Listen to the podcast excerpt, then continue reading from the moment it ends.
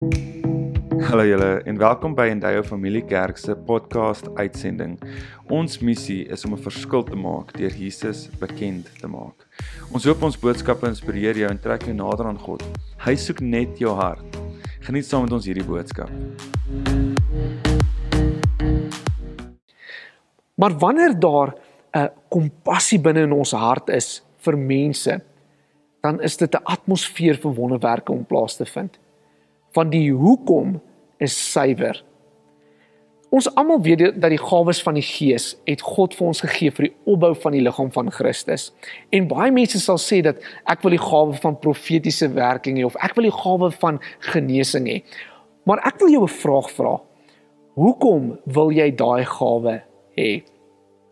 Wil jy die gawe van um genesing hê sodat jy kan sê ek het dit afgetik, die Here het my al gebruik om mense te genees of wil jy die gawe van genesing hê want jou hart breek vir mense wat in pyn is.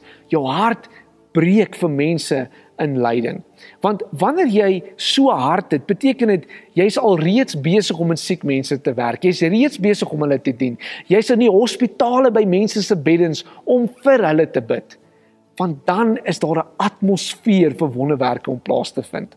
Of hoekom wil jy profetiese um uh, profeties kan beweeg? Gaan dit ook oor om net sodat jy kan sê jy kan dit van jou lysie aftik of is dit omdat jy 'n hart het om te sien dat God met mense werk, dat God hulle opbou en hulle in 'n rigting stuur, dat God met hulle praat?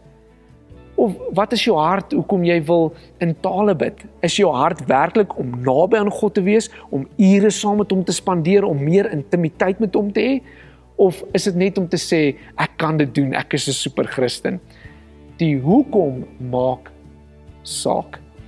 En Jesus begin by 'n hoekom wat sê ek is lief vir hierdie mense. I've got compassion for for them. En dit skep 'n atmosfeer vir wonderwerke om plaas te vind. Um die tweede ding wat ons hierso raak sien, wanneer ons die twee um gedeeltes vergelyk, is dat die disippels vra die verkeerde vrae. Ek hou daarvan om vrae te gebruik. Jesus het ook vrae gebruik en baie keer vra ek myself 'n paar goeters om my eie hart te ondersoek oor waar is my gedagtes, hoekom dink ek soos wat ek dink.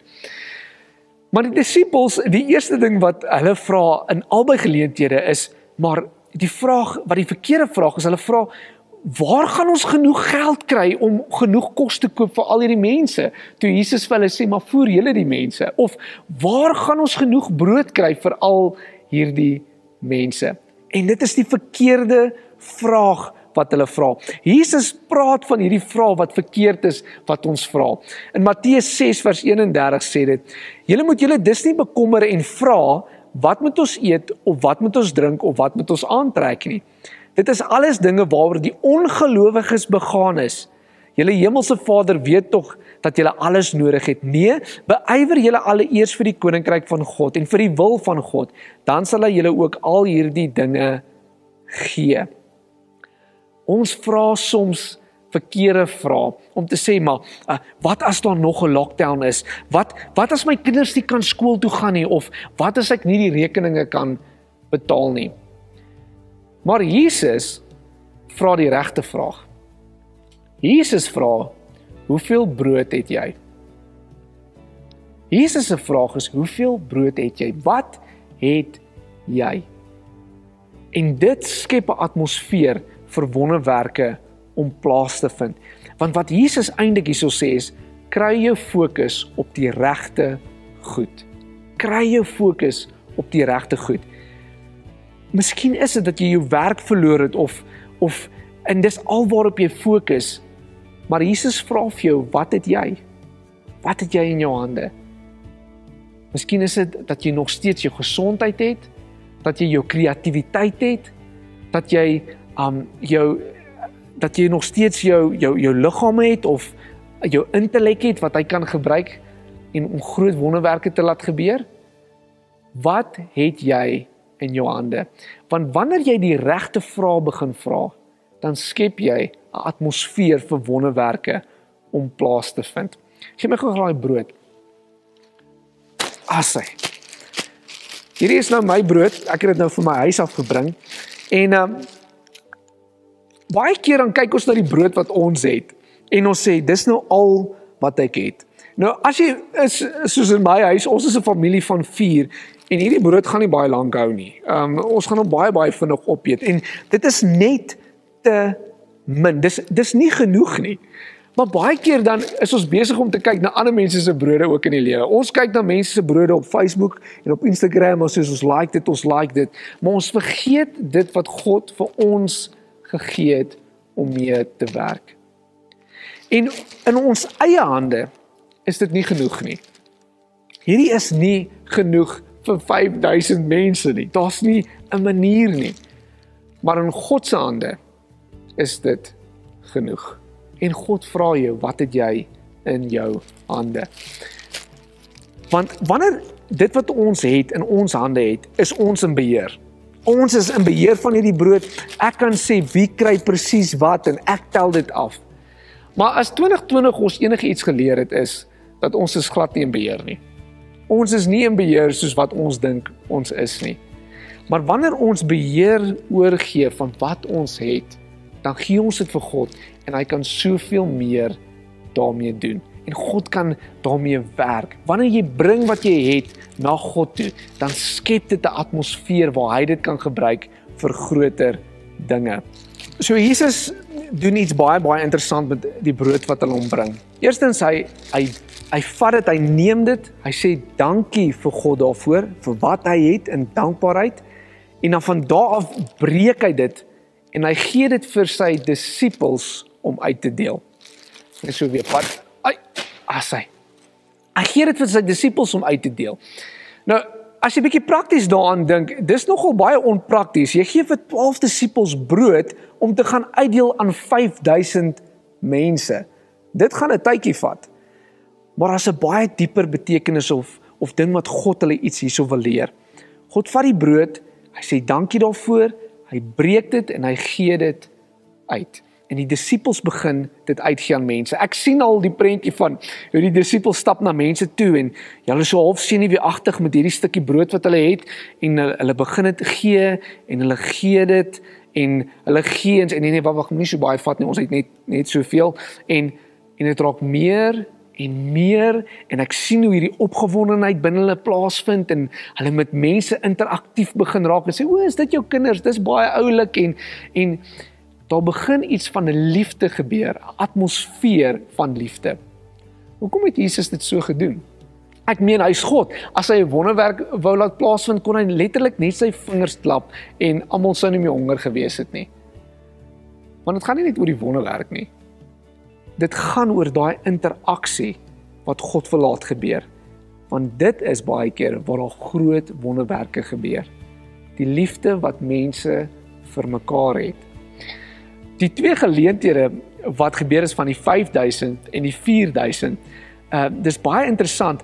By die 5000 is dit in 'n gebied gewees wat die Joodse gebied was. Dit was naby die see van Galilea gewees waar dit gebeur het. So dit was heel waarskynlik 5000 Jode wat bymekaar gekom het en hulle die brood uitgedeel maar die 4000 waarvoor uitgedeel word was meer in in Katapelles as ek dit nou reg uitsê. Dit was meer in die heidene gebied gewees. Dit is eintlik die mense waarmee die Jode niks wou mee gedoen. Hulle het nie met hulle uitgehang nie. Hulle het nie met hulle tyd spandeer nie. Um ek kan sien hoe die disippels so half vir Jesus kyk en sê Jesus maar wat maak ons nou hier? Um jy weet ons hang nie uit met hierdie mense nie Maar Jesus sê nog steeds vir hulle deel die brood uit en ek sien hoe daai disippels gaan en hulle op hulle gesigte so half weet so half die brood ook hy hierso hierso gee. Maar dan gebeur daar ook iets in hulle harte wat hulle begin 'n wonderwerk ervaar waar hulle begin hierdie interaksie het met mense, daar's liefde en hulle kom agter dat Jesus Christus is die brood van lewe vir almal. vir almal. En die groot atmosfeer vir wonderwerke om plaas te vind is juis wanneer jy Jesus in jou het en jy gaan na mense toe. Dan is daar 'n atmosfeer vir wonderwerke om plaas te vind. Wanneer jy Jesus vat na mense toe, die brood van lewe vat na mense toe, want Jesus en die verlossing is vir die wêreld bedoel. Wonderwerke is nooit net vir onsself nie. Nooit. Dit gaan oor net meer as ons, dit gaan oor ander mense. Die vraag wat jy jouself moet vra op die oomblik is, maar is ek besig om atmosfeer te skep vir wonderwerke om plaas te vind? Vra ek die regte vraag? Is ek besig om God te eer en vir hom te sê hoe groot hy is? En is daar 'n verwagting in my hart om te sien hoe groot God groot wonders gaan laat plaasvind? Is dit miskien dat ek besig is om die verkeerde vrae te vra en nie te sien dit wat God my gegee het en wil gebruik sodat daar wonderwerke kan plaasvind nie? So ek wil hê daar waar jy is in jou groep dat jy 'n paar vrae gaan bespreek. Maar voor ons daar gaan kom, wil ek vra dat jy jou oë vir 'n oomblik kan sluit. Ons gaan toelaat dat die Heilige Gees met jou praat. Kom ons sluit ons oë. Maar Vader, ons het 'n behoefte om meer wonderwerke te sien. Here, maar nie wonderwerke vir ons nie. Wonderwerke sodat U verheerlik daardeur kan word. Wonderwerke waar mense U liefde ervaar in hulle lewens. Wonderwerke waar hulle sien dat U die brood van die lewe is. Here ons bid dat U ons sal gebruik, Here, dat ons U hande en voete sal wees, sodat wanneer ons bring wat ons het na U toe, Here, dat dit uit 'n hart sal kom van liefde uit, 'n hart sal kom van Here gebruik ons. En ons sê amen. Dis ook altyd vir ons lekker om te kan gee En van my kant af wil ek 'n besonderse woord van dank aan elkeen rig vir die manier, die gesindheid, die gees van waarin Endeavour Familiekerk vir die afgelope paar maande aangehou bydra het vir die koninkryk.